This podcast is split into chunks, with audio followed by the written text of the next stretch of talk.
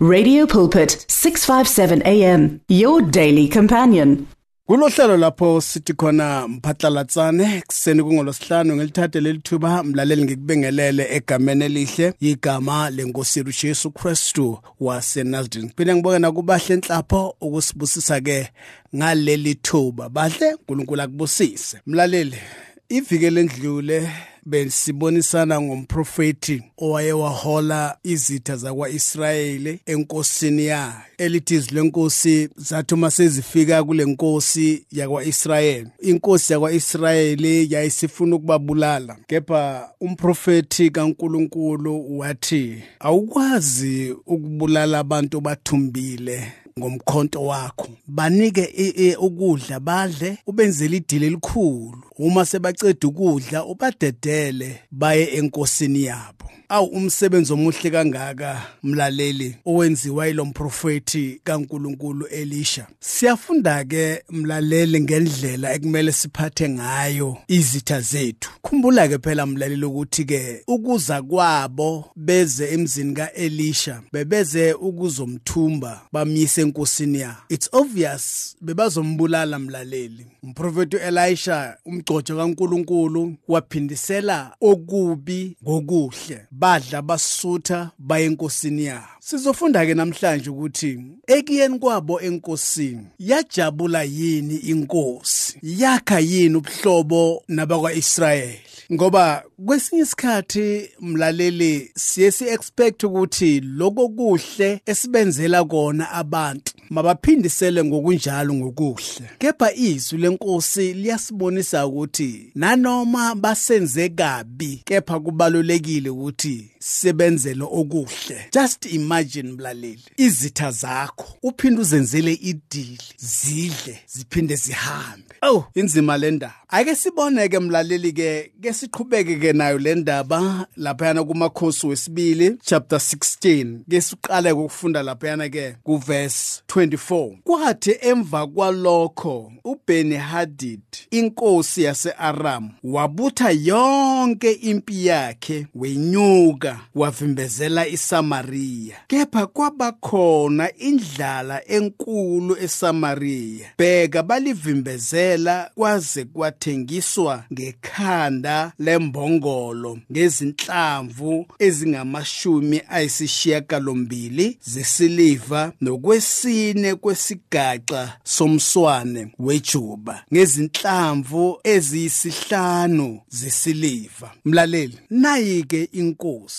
Eyathumela amabutho ayo ukuthi aye kumprofeti uElisha amlande. Ngokuba umprofeti Elisha wayexwayisa inkosi yakwaIsrayeli ngalokho lenkosi yase-Aram ebeyizindla ngakho. Inhloso yenkosi yase-Aram ukuhlasela uIsrayeli inhloso yenkosi yase-Aram ukuhlasela amaSamariya. Kepha izwi lenkosi lithi ke umprofeti uElisha wayexwayisa inkosi ngaso sonke isikhathi ukuthi ingahambi la ihambe la ingahambi la ihambe la. Kepha inkosi yakwaIsrayeli yaphunyuka noma yaphepha kanjalo ngenxa yomgcojwa kaNkuluNkulu. Manje izwi lenkosi lithi ke inkosi yase-Aram yathukuthe ngenxa ukuthi ke umprofeti uElisha uxwayisa inkosi. iBhayibheli lithi ke wayesithumela ke lamabutho akhe. Ukuthi olanda lomgcojo kaNkuluNkulu ukuba lento lomgcojo kaNkuluNkulu ayenzayo lenkosi bingayithandisisi mlaleli nanoma kunjalo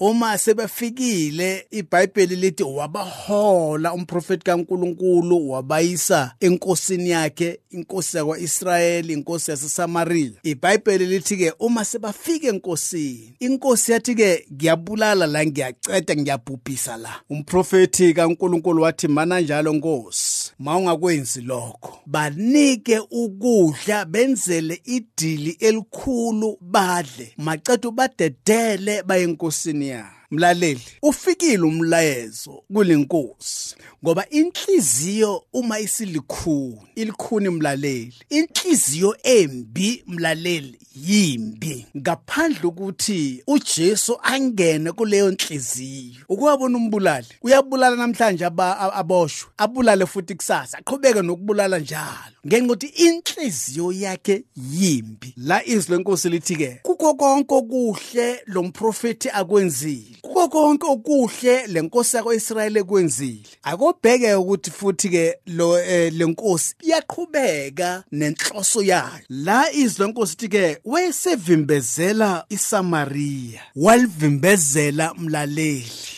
Kuhle kukaIsrayeli ehlasela evimbezela iGaza. Lalithi izilwenkosi uma esevimbezele iSamaria kwase kuba khona ke indlala enkulu eSamaria ngenxa yokuthi babengakhoni mlalelo ukuphuma bayofuna ukudla babengakwazi ukusuka bayosebenza mlaleli. iBhayibheli lithi ke kwase kuba khona indlala enkulu eSamaria mlaleli esikhundleni sokuba lenkosi ibone ngempela ukuthi uIsrayeli noma iSamaria ayinanhloso yokulwa nayo ifuna ukudala ukuthula ngenxa ukuthi ke kunomgcotsho kaNkuluNkulu kunomprofeti kaNkuluNkulu. Kepha esikhundleni saloko lenkosi iBhayibheli lithi yavimbezela iSamaria yonke. Mlaleli kwase kuba khona ke indlala. Ake ngiphinde ngilifunde ke mlaleli uzwisise. Kwathi emva kwalokho kwalokho okuhle okwenziwe lenkosi yaseSamaria eyalelo umgcojo kaNkuluNkulu umprofeti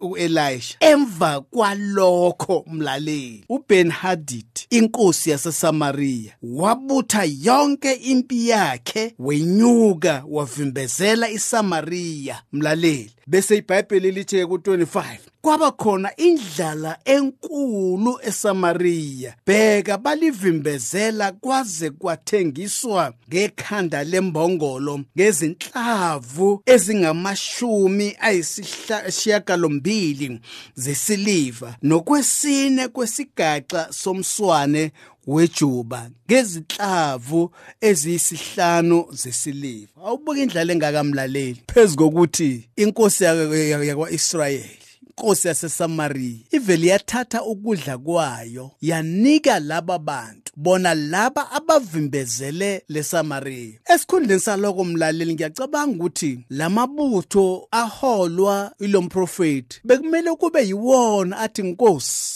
ake sime. Labantu banenhliziyo enhle.